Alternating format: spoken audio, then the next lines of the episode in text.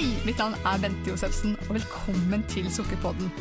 Podkasten for deg som ønsker inspirasjon og kunnskap om temaet sukkeravhengighet.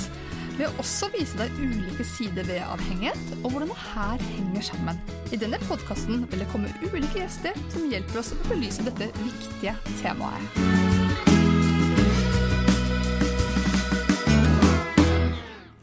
Med meg i dag så har jeg Erik Hekseberg. Velkommen hit til Sukkerpodden, Erik. Takk. Veldig hyggelig at du satte av tid til dette her. Takk for at jeg fikk lov til å komme. Ja, bare hyggelig.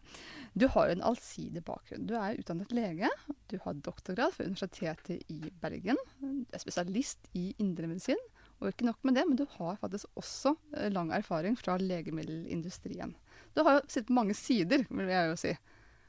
Det har jeg. Ja, det har du. Og temaet vi skal ta opp i dag, det er primært uh, dette med overvekt og diabetes. Men først, Erik, fortell litt mer. Hvem er du? Ja, hvem er jeg? Uh, ja, så du har jo sagt eh, litt av eh, det som er meg. Ellers så er jeg jo gift med Sofie Ja. Hekseberg. Og jeg har sammen med Sofie fem barn. Og snart tre barnebarn. Og ellers så er jeg jo engasjert i både eh, kostreform og som jeg har vært med på i flere år. Og eh, nå har jeg engasjert meg også i Helsepartiet. Og in har alltid vært interessert i politikk Mm. og hvordan samfunnet rundt meg fungerer. Så ja, det er vel det. Og med hensyn til eh, engasjement for eh, kosthold, så må jeg jo si at det er det vel egentlig Sofie som har mest eh, drevet eh, meg inn i.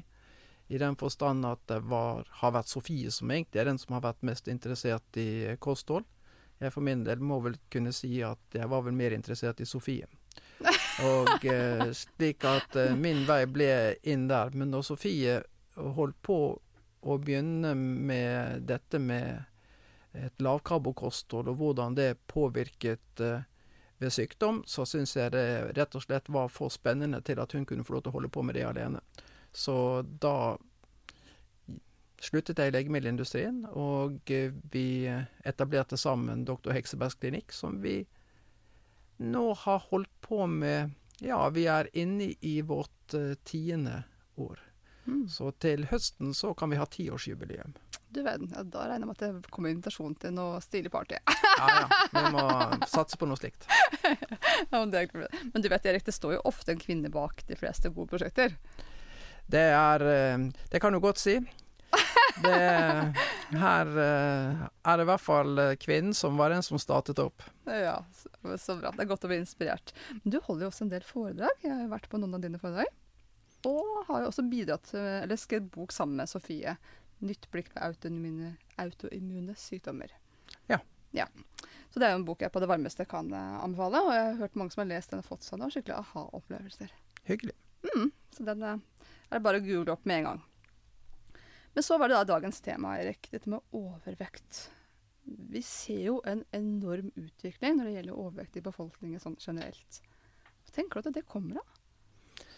Ja, det er jo en epidemi. Og eh, dette er jo noe som har ser i alle land. Og det er jo en, Over de siste 50 år så har det vært en økning i eh, i forekomsten av overvekt og fedme. Eh, hvis vi ser i Norge nå, så er vel bortimot, eh, så er det bortimot 70 har jeg inntrykk av, som er av de som er voksne, som er overvektige eller har fedme. Eh, og 20% med, som da har det som er definert som fedme. Eh, og dette har jo bare vært økende. Voldsomt økende. Så kan man jo stille seg spørsmålet hvorfor. Eh, man sier det at ja, da spiser man for mye. Og, da, og når man da hadde sagt at man spiste for Og man har jo trodd egentlig at eh, for å bli fet, så måtte du spise fett. Mm. Og det var jo den illusjonen man levde i, og det var det vi ble fortalt. At uh, det var, man måtte spise fett for å bli fet. Til og med på sukkerpakkene sto det jo at uh, det var helt greit å spise sukker, du ble ikke fet av å spise sukker. Nei. Du kunne ikke legge på deg av å spise sukker. Så ernæringsforskerne var jo fullstendig på ville veier. og trodde at uh, man kunne spise At uh, man ikke la på seg av å spise karbohydrater. Uh, men der tok de feil. Så den anbefalingen man fikk om at uh, man skulle redusere inntaket av fett og øke inntaket av karbohydrater, som var det ernærings... Ja, vårt ledende miljø i, ved Universitetet i Oslo på ernæringsforskning, de mente at alle livsstilssykdommer ville bli borte hvis bare befolkningen reduserte inntaket av fett og økte inntaket av karbohydrater. Mm. Um, men det var nok ikke slik. Vi ser jo resultatet av det i dag. Ja. Og resultatet av det er jo da at eh, når man spiser mye karbohydrater, så stimulerer Så blir jo disse karbohydratene, hvis du spiser stivelse, så blir jo, som da jo er hoveddelen av det vi spiser av karbohydrater, så er jo stivelse det er jo druesukkermolekyler på rekke og rad. Og det blir til druesukkermolekyler når det kommer ned i tarmen Mm. og eh, havner som blodsukker. Og gjør at vi får et høyere blodsukker. Og spiser vi så mye eh, karbohydrater at dette At vi får mye av dette blodsukkeret, så må jo dette blodsukkeret omdannes til noe annet enn sukker. Mm. Og da kan vi selvfølgelig Det kan selvfølgelig gå til eh, fettcellene og bli omdannet der til fett. Det gjør jo fettcellene. Men det kan også gå til leveren. Mm. Og overskudd av karbohydrater havner i leveren og blir omdannet til fett. Mm. Og ikke et hvilket som helst fett. Nei. Det blir eh, i realiteten omdannet til palmitinsyre, palmetinsyre, som er hovedbestanddelen i palmeolje. Så hvis vi snakker om at vi skal redusere palmeoljeproduksjonen i denne verden, så er den enkleste måten å redusere palmeoljeproduksjonen å spise mindre karbohydrater. Mm. Stoppe den indre fabrikken. Nemlig. Mm. Så det er vårt bidrag til å redusere palmeoljeproduksjonen. Mm. Og det interessante var at da, da man fikk denne ideen om at fett var farlig, at man ble overvekt av fett, så kom jo alle disse light-produktene. Hvor man jo erstattet fett med veldig mye stivelse, sukker og stivelse. Jepp. Mm. Da har man jo endt opp med eh, disse light-produktene, altså man har tatt vekk fettet, og eh, flyttet hele energiinntaket vårt over på mer karbohydrater og mer protein. Mm. Og så har man da gitt de et nøkkelhullmerke, og Ja, anbefalt det. nettopp. Det er jo en tragedie. På hvilken måte tenker du, Erik? Nei, jeg mener jo det at uh, å drive og anbefale ultraprosessert uh, mat med nøkkelhullmerke, uh, som hvor man har fjernet Som er da lavt på fett. Det er ingen god begrunnelse for at dette her er mat som reduserer eh, verken fedme eller diabetes eller noe som helst, eller redusere hjerte-karsykdom. Det, de eneste som har glede av dette, er jo eh, matprodusentene. Mm. Men de sitter jo også tett eh, i rådet til Bent Høie. Men det er nå så. En liten digresjon. Ja. Men sånn utover det kosmetiske, da, som selvfølgelig kan oppleves sjenerende i seg, men hvilken, hvilken følge får det da å ha overvekt eller fedme? Overvekt fedme er knyttet til utvikling av diabetes type 2. Det er knyttet til utvikling av eh, høyt blodtrykk. Det er knyttet til utvikling av hjerte-karsykdom. Det er knyttet til utvikling av kreft. Det er knyttet til utvikling av uh, ulike betennelsessykdommer. Så det er klart vi eh, Det er jo en måte å skape sykdom på. Og jeg mener jo det at vi lider i Norge i dag av myndighetspåført sykdom. Av de rådene som vi har fått, som har forfulgt oss i 50 år, og som burde vært endret. De har, eh, er årsaken til at vi i dag lider av myndighetspåført sykdom. Hvis du ser f.eks. på hvor mange som ble uføretrygdet i 2018, så var det 35 000 som ble uføretrygdet. et årskull er eh, rundt 55 000. Det vil si at ca. to tredjedeler av et årskull blir uføretrygdet per år. Det er jo helt skrekkelig. Og det er klart at dette er ikke bærekraftig. Mm. Vi har en helsepolitikk som ikke er bærekraftig. Mm. Vi påfører folk sykdom. Vi må snart begynne å stille oss et spørsmål om hva er det som skjer. Mm. Men vi kan kanskje gå mer inn på hvorfor man får fedme og overvekt. For å så svinge oss litt tilbake igjen. ja, men digresjoner, det er fint. Nei, men jeg tenker, jeg tenker jo det at denne jeg vil kalle det fettskrekk som vi blir påført, da. Mm. Det gir jo også en liksom forskrudd oppfatning av hva som er rett og riktig. For at det, Tar man for skolemelkordningen, da. Mm. Der er det altså ikke lov med H-melk. Er det sant? ja, det er ikke tilbud. Men sjokolademelk, kakao, søte yoghurter, det er, sånn, det er tilbud. Hva tenker du om det, Erik? Eh, nå var jeg faktisk overrasket.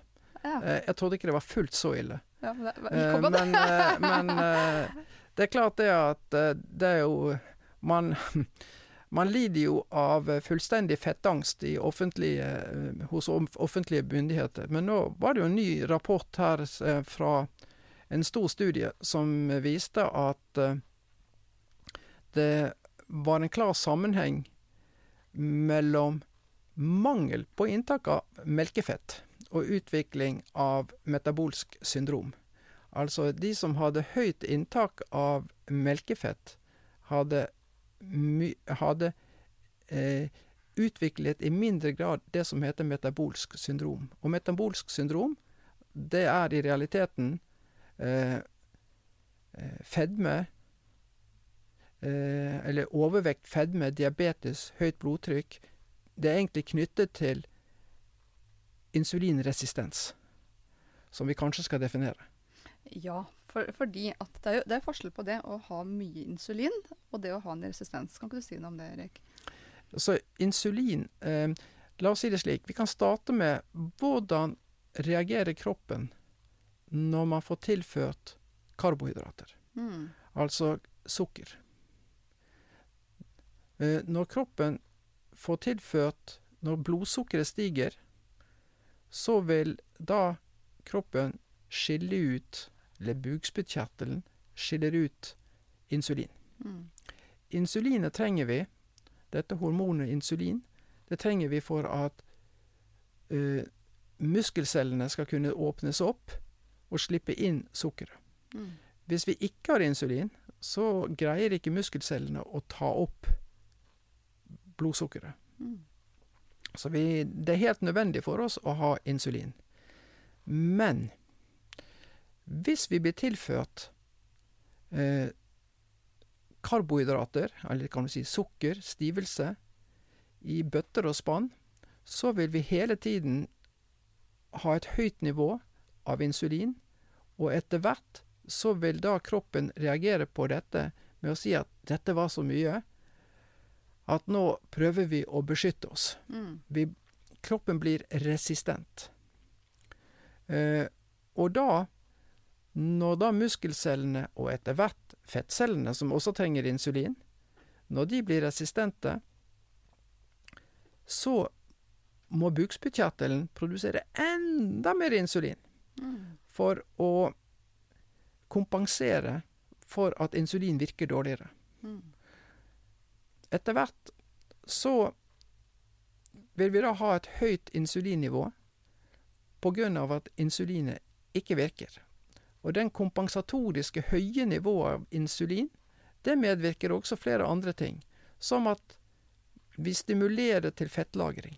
Vi stimulerer til at ø, når, det karb når karbohydratene blir omdannet til fett i leveren, så blir de veldig fort tatt opp av fettcellene, og de blir låst inne i fettcellene. Det er enveisbillett. Mm. Og dette fører til at vi gradvis da legger mer og mer på oss når vi blir insulinresistente. Mm. Så kan vi også bli så insulinresistente at blodsukkeret ikke skikkelig kommer inn verken i muskelcellene eller i fettcellene, Og da vil blodsukkernivået bli liggende for høyt. Mm. Da har vi utviklet diabetes type 2. Slik at her er det jo en sammenheng mellom overvekt, fedme og utvikling av diabetes type 2. Mm. Og da, ved diabetes type 2, så har vi altså da en situasjon hvor vi har høyt blodsukker, og vi har samtidig høyt nivå av insulin, men insulinet virker dårlig. ja. Det gjør ikke jobben sin. Og da, i den tradisjonelle behandlingen for diabetes 2, så gis man jo insulin. Ja, Hva tenker Man- du om det? ja. Er ikke det litt rart? Når du liksom har mye insulin, så gis det enda mer insulin? ja det er jo absurd.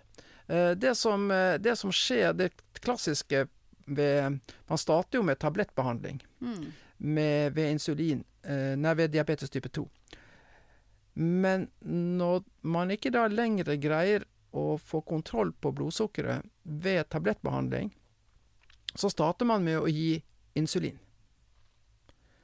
Og det er jo eh, Det er jo ganske absurd at man da skal gi insulin til de hvor insulin egentlig ikke virker. Ja. Og det vi da ser, det er jo at insulinnivået Nei, ja, at eh, vi ser at disse må jo ofte ha veldig mye insulin. Mm. Og vi har jo hatt eh, de som har hatt skrekkelig Altså har fått skrekkelig mye insulin tilført, men blodsukkeret eh, blir jo knapt nok påvirket. Ja. Du, og vi har tatt bort ja, bortimot 100 enheter med insulin, som er veldig mye, Mm. i løpet som per, per dag. I løpet eh, av eh, et par dager har vi trappet ned til null. Og blodsukkeret har egentlig bare blitt bedre. Men det vi da selvfølgelig har gjort, det er jo å endre kostholdet. ja. For hvis du har et problem For hovedproblemet da er jo ikke eh, eh, at du har et problem med fett. Hovedproblemet da er jo at du har et problem med å omsette karbohydrater, sukker. Det er jo Mm. blodsukkeret ditt som er et problem. Ja. Så hvorfor skal du da spise mat som inneholder skrekkelig mye sukker? Så hvis vi da bare skifter rundt på hva man spiser For kroppen har, trenger ikke insulin for å omsette fett. Mm. Hvis du spiser fett, så greier kroppen seg fint på uten å, at eh, du trenger ekstra tilført insulin. Mm. Men hvis du spiser karbohydrater, så trenger jo kroppen normalt sett insulin for å få det inn i cellene. Men når du er blitt insulinresistent, så fungerer det jo ekstra dårlig. Mm. Eh, Så det, det enkle grepet Og jeg må innrømme, jeg har jo sittet med på diabetespoliklinikk på sykehus og holdt på å si, å gi, si at ins, her må vi ha litt mer insulin, eller litt mindre insulin. Eh, men jeg tenkte jo aldri den gangen på at jeg burde gjøre noen ting på kostholdet. Eh, tenkte vi kosthold, så tenkte vi at da, da måtte vi sende de til ernæringsfysiologene. Ja. Det var jo sånn vi tenkte den gangen. Og eh, jeg har jo hatt pasienter som har da hatt problemer med blodsukker og blitt sendt fra sine leger til ernæringsfysiologene. Og stort sett har de da fått eh, beskjed om å spise mer grove kornprodukter. Og blodsukkeret har jo bare gått opp. Og med det resultatet at de bare blir tilført enda mer insulin. Så det, det fungerer jo rett og slett ikke.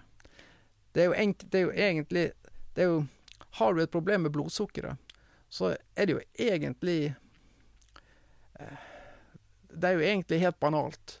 Da må du redusere mat som øker blodsukkeret. Ja, for dette her forundrer meg stort. Altså, det er jo egentlig veldig opplagt, men hvorfor er det så motstand mot disse rådene? Altså, Det er fordi at man har eh, fått den store fettskrekken. Og man tenkte da at diabetikere, de kan jo ikke tåle fett. Fordi at de har så mye hjerte-karsykdom. Det er jo en mye høyere forekomst av hjerte-karsykdom hos de som har diabetes. Eh, Og da må det jo være slik at diabetikerne bør unngå fett. Så ergo har man da sagt at ja, du må være veldig forsiktig med fett, og, må, kan, og da må man jo da øke inntaket av karbohydratene. Og da kan man jo bare kompensere med å gi mer insulin. Mm. Så det var måten å tenke på. I, hvis du også ser på det i forhold til um, legemiddelindustrien, så er det jo også en gnistrende ordning. Eh, hvor du da trenger å bruke mer eh, medikamentell behandling. Eh, det er god business. I, vi bruker eh, langt over en milliard i ulike diabetesmedikamenter eh, som, går på, som staten betaler. I Norge per år? I Norge per år. Wow. Eh, og det Jeg kunne med letthet redusert eh, ganske betydelig på den milliarden eh, ved at folk fikk andre kostholdsråd. Mm. Det er jo helt utrolig. En milliard? Ja, men i dag er jo ikke én milliard. Her går jo hundremilliardene ut i vilden sky i disse koronatider. Her, det er jo eh, Så nå er jo en milliard plutselig ingenting. Nei. Men, men jeg tenker på livskvaliteten og hva det gjør for helsa for den enkelte, så tenker jeg at det står mye på spill her. Helt riktig. Men så tenker jeg, Du har jo, du har jo jobbet i legemiddelindustrien. Og som du sier, det er jo big business. Eh, det jeg har hørt, er jo at det, ofte så er det jo de som står for opplæring også av leger. Eh? Altså videre ja, videre altså, La meg si det slik. De har en ganske stor innflytelse på det. Eh, jeg tror kanskje at den aller største innflytelsen legemiddelindustrien har, det går via eh, legenes faglige organisasjoner. Altså type de internasjonale diabetesforeningen, internasjonale hjerteforeningene, som er tett innvevd med legemiddelindustrien.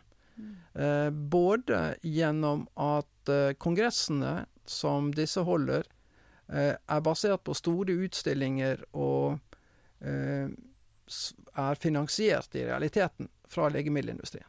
Mm. Eh, det er også slik at de studiene som får mest oppmerksomhet på eh, de store kongressene, er legemiddelstudiene. bevisst regissert for å være helt ærlig. Og det er også slik at der er samarbeidsorganer mellom legemiddelindustrien og og disse kan du si, internasjonale legeforeningene. Mm. Om hvordan man kan, hva man kan gjøre som er til felles glede.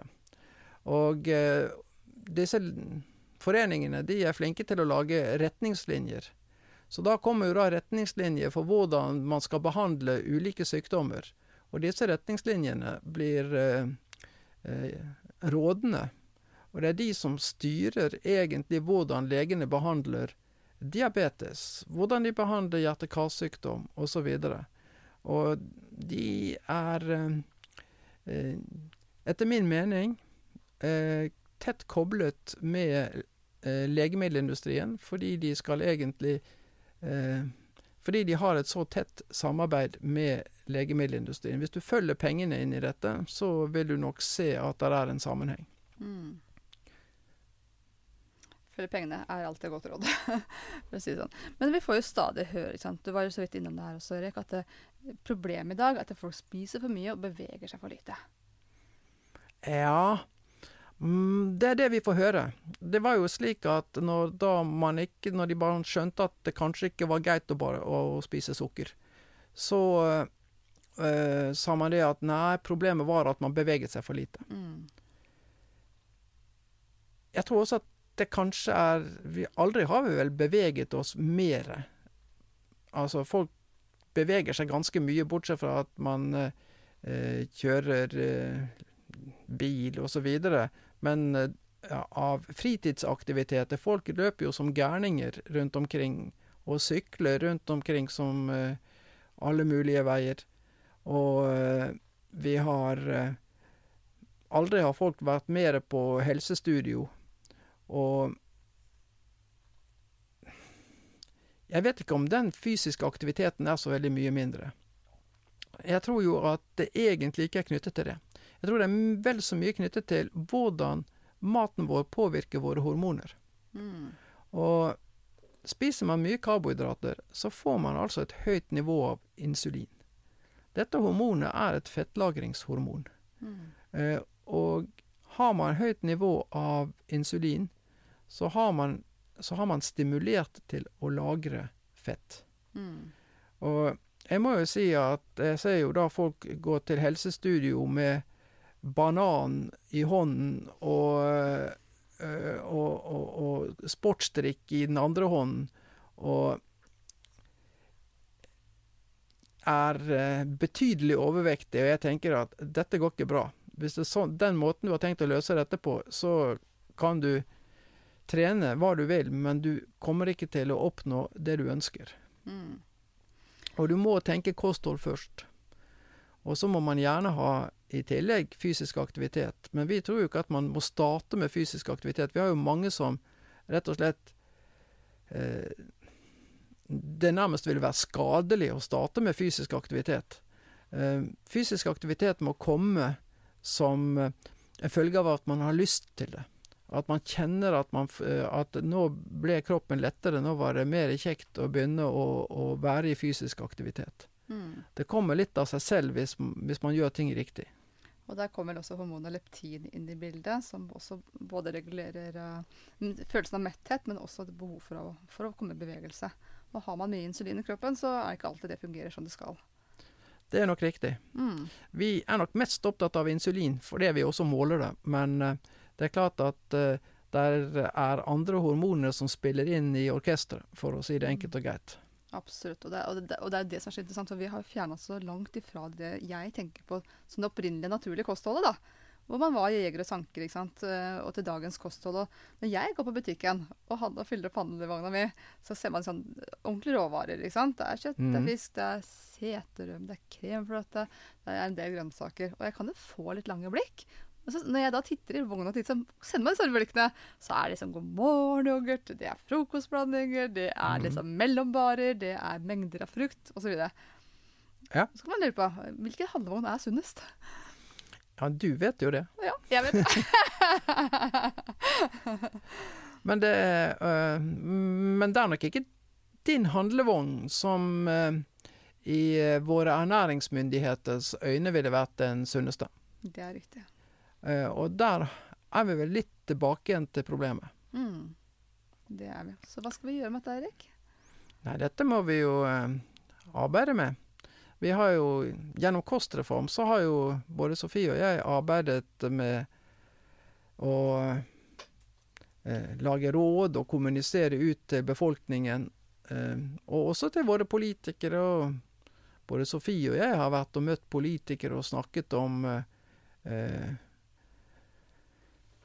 det å kanskje gjøre noen ting med kostholdet og endre på kostholdsrådene. Men våre politikere de eh, lener seg jo egentlig bare til Helsedirektoratets råd og snakker om et sunt kosthold. Som om det var eh, enerådende det man eh, da snakket om fra Helsedirektoratet. Mm. Dessverre så er vi jo ikke da helt enig i det. Og derfor så ser vi jo at vi nå kanskje må begynne å arbeide mer politisk. Mm. Så vårt engasjement har, flytter seg jo da over til å kunne se at eh, skal vi få til noen ting, så må vi faktisk inn og eh, endre på politikken som føres. Og skal vi endre på politikken, så er det politikere som må da kunne stille spørsmål og utfordre våre helsemyndigheter, og ikke bare ta de rådene som de får servert for god fisk. Mm. Og, det utfordringen også er jo at det, er så etablert som sannheter. Da. At det er jo ingen som stiller spørsmål og opplever det som. Altså, alle vet at, fett, at man blir feit er fett, at mettet fett er farlig. Altså, det, det er så sant at det er så vanskelig å rokke på en måte oppfatningen, eh, den rådende oppfatningen der ute. Ja, det er jo skrekkelig mange ting her som aldri har vært sant. Eh, det er eh, Kostholdsfeltet er preget av at noen har satt seg sammen og blitt enige om hva som er sant. Mm. Altså eh, Man snakker om at all forskning viser, er det noen som presterer å si. Men her er det definitivt ikke all forskning som viser det, og det var heller ikke slik at det var forskningsmessig belegg for de endringene man gjorde, eller de rådene man ga på eh, 70-80-tallet. Mm. Eh, men man var kanskje litt grann i litt panikk, fordi at man hadde en bølge av eh, av hjerte-karsykdom som man måtte ta tak i. Og eh, det man da tenkte var at det var fett som var farlig. Til en viss grad så var det jo helt sant. Det var noe fett som var farlig, Mm. og det var transfett. Mm. Eh, og eh, på 70-tallet så inneholdt jo melange-margarin, eh, de harde margarinene, 30% transfett. Ja. Og transfettet eh, hadde en klar sammenheng med utvikling av hjerte-karsykdom. Mm. Den gangen spiste vi ja, rundt 24 kilo eller noe slikt med eh, margariner per år. Så per individ. Og det er klart at noen individer spiste da selvfølgelig mye mer, eh, og hadde da en høyere risiko. Så sannsynligvis var kombinasjonen av eh, margariner, eller transfett, og eh, røyk, tobakksrøyk, eh, de store killerne i forhold til hjerte-karsykdom på 1970-tallet. Men i dag er det ikke slik. I dag er det nok eh, vår egen palmeoljeproduksjon som er det store problemet. Mm. Og som egentlig er en følge av et høyt inntak av eh, karbohydrater. Så noe har gått skrekkelig galt. Noe har gått skrekkelig galt, og eh, det er egentlig ganske åpenbart.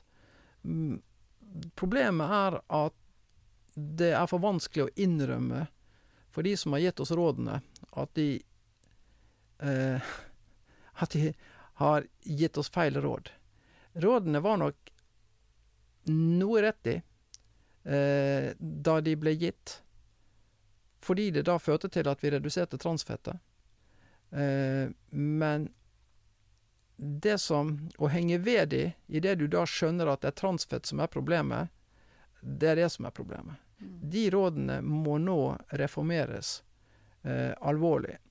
Og eh, man må bare erkjenne at de er grunnleggende feil. De er i hvert fall grunnleggende feil for veldig mange. Mm. Og kanskje vi skal tenke at eh, kanskje det er lettere å akseptere at det er feil for de som har diabetes type 2, har fedme og overvekt. Eh, at det er disse det er lettest å akseptere at det å spise mye karbohydrater er grunnleggende feil. Mm. Og så kan de som eh, er slanke og tåler å spise mer karbohydrater, fortsette å spise det. Kanskje ikke eh, kostholdsrådene skal være like for oss alle. Mm. Det, det tenker jeg er utrolig viktig, Erik. Og det, det er jo dette her dere også jobber med på, på klinikken deres, å gi skreddersøm og kartlegge nøye hver enkelt pasient. Ja, vi mener jo at vi må tilpasse det individuelt. Mm. Absolutt. Men Du var jo innom dette med diabetes 2, men eh, hva slags råd er det Diabetesforbundet gir da? Ja. Eh, Diabetesforbundet de henger seg stort sett på våre myndigheters råd. Eh, eh, de og våre myndigheters råd, eh, kostholdsråd for de som har diabetes, er at de stort sett skal være forsiktige med eh, fett og spise grove kornprodukter og egentlig produkter som grønnsaker for så vidt, og eh, eh, produkter så de skal være forsiktige med kjøtt, for all del. Why? ja, du kan lure. Men det er eh, Det er egentlig alt det de anbefaler, er mat som er høyt på karbohydrater, i realiteten, og lavt på fett. Du skal spise magre, ulike typer magre produkter. Mm. Eh, det vil si at de skal være fettfattige. Mm. Skal være forsiktig med mettet fett, sier de i- som et fokus, men alt det de anbefaler, er ikke bare lavt på mettet fett, det er lavt på fett i seg selv.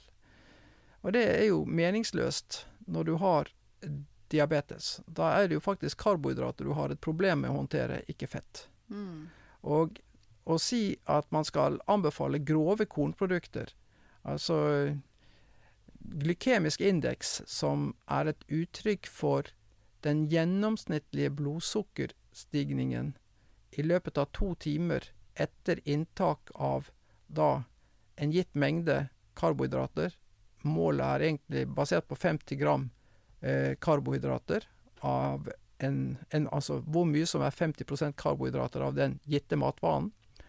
Så er Spiser du da brød, grovt brød, eh, og 50 gram karbohydrater i form av grovt brød, eller om du spiser 50 gram karbohydrater i form av vanlig hvitt sukker, Mm. så gir det samme glykemiske indeks.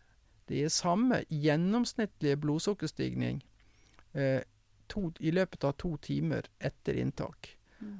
Så jeg greier ikke å begripe hvor smart det kan være å gi grovt brød til de som har diabetes. Verken type 1 eller type 2. Det er meningsløst. Men har, har du og Sofie, da, din kone, forsøkt å komme i dialog med Diabetesforbundet? Ja, jeg har vært i møte med Diabetesforbundet, men eh, jeg tror ikke jeg og Diabetesforbundet snakker så veldig godt sammen i øyeblikket. Så det Men det, det Og jeg har flere ganger jeg har skrevet Jeg har skrevet gjentatte ganger om disse problemstillingene i Dagens Medisin, som er en eh, avis for eh, helsepersonell som kommer ut hver 14. dag. Eh, og prøvd å ta til orde for at eh, man kanskje burde gjøre ting litt annerledes. Eh, jeg vet Jeg tror jeg vil si at eh, jeg føler at det faller på stengrunn. Det er Det er ikke Det er mer eh, da enn eh, Jeg blir mer angrepet for at dette er jo hårreisende at jeg kan anbefale så mye fett til noen som har diabetes. Mm. Men det er greit. Vi er grunnleggende uenige. Så får pasientene få lov til å vurdere selv. For, for det er det som jeg kanskje syns er det mest opprørende her, at pasienten ikke engang anbefales. Eller den, ikke, den får ikke tilbudet om å gjøre en endring. Den får ikke den informasjonen at det finnes et alternativ. Da. Og det jeg ofte hører som en begrunnelse, er at det liksom er synd på disse pasientene hvis de må droppe kake og sånn. For de må jo kunne leve som normalt, de må jo kunne kose seg, blir det ofte sagt. Eh, diabetespasientene mine forteller jo at de for noen år tilbake så da eh, ble invitert til møte hos Diabetesforbundet med hvor da Twist-skålen sto, sto i, eh, der hvor de betalte. var bare å forsyne seg. Ja, nettopp. For det var, kunne kunne bare sette litt mer insulin. Ja ja, det, det er klart. Det Ja. kan man jo. Det var jo en enkel, grei måte å gjøre det på. Mm, absolutt. Og mitt spesialfelt er jo sukkeravhengighet, og vi, og vi samarbeider jo også litt, Erik. Vi, Ja. vi har noen fellesklienter og noen vi sender litt, litt mellom oss. Så det ser ut som utrolig fruktbart. Eh, og det er ikke helt uvanlig at mange kommer faktisk med diabetes 2 som en følge av en sukkeravhengighet. Og det er jo kanskje ikke så rart. Det er ikke rart. Nei, Og aller fleste blir medisinfrie når de legger om til dette kostholdet som vi anbefaler, og som er en variant av et lavkarbokosthold. Mm. Det samme vil jeg tenke at dere ser på deres klinikk. Ja. Eh, vi ser jo at eh, det er jo Mange vil kunne bli eh, kvitt eh, medikamentene totalt ved å legge om. Og vi ser jo også at folk som kommer med nyoppdaget diabetes, den kan vi snu, for å si det slik, eh, ved hjelp av kosthold i løpet av ganske kort tid. Mm. Eh, og vi ser jo også at eh, de som bruker insulin eh, som, Det er jo en del som har stått på store doser insulin, som bare genererer betennelse og elendighet. Har vi kunnet eh, plukke av insulin, Mm. og de kan greie seg med mer tablettbehandling. Eh, og at det er tilstrekkelig. Kosthold pluss eventuelt eh, tabletter. Det er mye bedre enn om de da skal gå på eh, høye doser med insulin. Hva vil det gjøre med livskvaliteten til de som klarer å ta bort insulinet? Hva vil det konkret merke, Erik? Eh, en del av de får jo da for det første så slipper de å ha episoder med følinger hvor de går rundt og er engstelige for at plutselig har de et lavt blodsukker, og plutselig er blodsukkeret altfor høyt. Eh, dessuten så får mange av disse de får vondt i muskulatur rundt omkring i hele kroppen ved høye doser med insulin, eh, som er betennelsesstimulerende. Så de er, har Mange av disse eh, har jo eh, egentlig eh, De er egentlig styrt av sin diabetes. Eh, og har eh, på sett og vis mistet litt av kontrollen over livet. Og, og dette gir dem en mulighet til å ta tilbake igjen mye av kontrollen. De får, ved å spise på en fornuftig måte får de, eh, får de egentlig kontroll over hvordan blodsukkeret fungerer. Eh, det, er ikke en, det er ikke en tilfeldighet eh, hva, om blodsukkeret er høyt eller lavt. Eh, det er mye lettere å styre. Hvis du vet at du spiser lite, altså har, har du lite inntak av karbohydrater, så er det mye lettere også å vite hvor mye insulin du eventuelt skal sette for de som da må bruke insulin, de som har type 1-diabetes, mm. som mangler insulinproduksjonen sin, eller har en lav insulinproduksjon. Da er det mye lettere å styre eh, hvor mye insulin du trenger når inntaket av karbohydrater er lavt. Mm. Absolutt. Så nevnte du dette her med politisk engasjement, Erik. Ja. Du er jo engasjert i Helsepartiet. Hva slags verv har du der? Eh, I øyeblikket så er jeg leder av Vestfold og Telemark eh, helseparti. Og Helsepartiet Tønsberg og Færder. Men nå er det snakk om et landsmøte hvor jeg er foreslått til andre nestleder. Og så får vi se om jeg blir valgt. Ja. Det ville blitt en berikelse. Men for de som ikke kjenner til Helsepartiet, hva er, hva er, liksom, hva er agendaen der? Helsepartiet er jo kritisk til eh, hvordan vårt helsevesen er organisert. Og eh, eh, blant annet eh, så burde vi jo kunnet ha et bedre helsetilbud til befolkningen enn det vi har. Vi hadde egentlig nedbygget vår, eh, vårt helsetilbud. Og eh, Helsepartiet hadde sitt årsmøte i, på sitt årsmøte i 2019, altså fjorårets, så uh, hadde de beredskap på dagsorden, mm. og hvor da uh, man sa at helse er beredskap, og beredskap er helse. Og man påpekte risikoen for at vi kunne få en pandemi. Ja. Og at vi ikke var forberedt på en pandemi. Og det var vi jo ikke. Nei. Så jeg syns jo bare det er en god grunn til at man burde stemme på Helsepartiet. Et parti som er uh, mer forberedt på helse, og setter helse først på dagsorden. Uh, Helsepartiet tenker jo i utgangspunktet at helse er det viktigste vi har. Mm. Og at helse er et grunnleggende premiss for uh, at vi kan ha et velfungerende samfunn. Og det er vel litt av det vi plutselig har oppdaget i disse koronatider, at helse betyr kanskje litt mer enn vi hadde tenkt. Definitivt. Man tenker at eh, helse er Et helseparti er et ensaksparti, men det er i mine øyne definitivt ikke et ensaksparti. Helse betyr ufattelig mye. Mm. Og når vi ser, sånn som jeg nevnte før, hvor, stor, hvor mange som blir uføretrygdet mm. i løpet av et, ø, et år, så eh, er det åpenbart at eh, helse er ganske sentralt. Og skal vi, ha, skal vi, ha, folk i arbeid, som egentlig er den viktigste ressursen i vårt samfunn, så må vi ha en frisk befolkning. Helt klart. Og, vi to har jo faktisk samarbeida om en klient som er egentlig litt sånn solskinnshistorie, som har vært ufør i mange år, Erik. Og hun skal dere få møte på et litt senere avsnitt, men hun er jo på kun få uker gått fra ufør til nå og forsiktig har begynt å jobbe igjen, og har jo totalt sett endret sin, hele sin livskvalitet og helse. Så det er jo et godt eksempel nettopp på dette her. Ja, vi mm. må sørge for at vi får en frisk befolkning. Nettopp det. Absolutt. Eh, og, og, du og Sofie, dere har jo levert et forslag til en resolusjon når det gjelder kostholdsråd for Norge inn i Helsepartiet. mm. Og jeg har jo da levert et forslag til eh, en resolusjon for avhengighetspolitikk i Norge. Fordi at avhengighet er avhengighet, og dette henger sammen. Og vi trenger å løfte det her opp på, på et politisk nivå.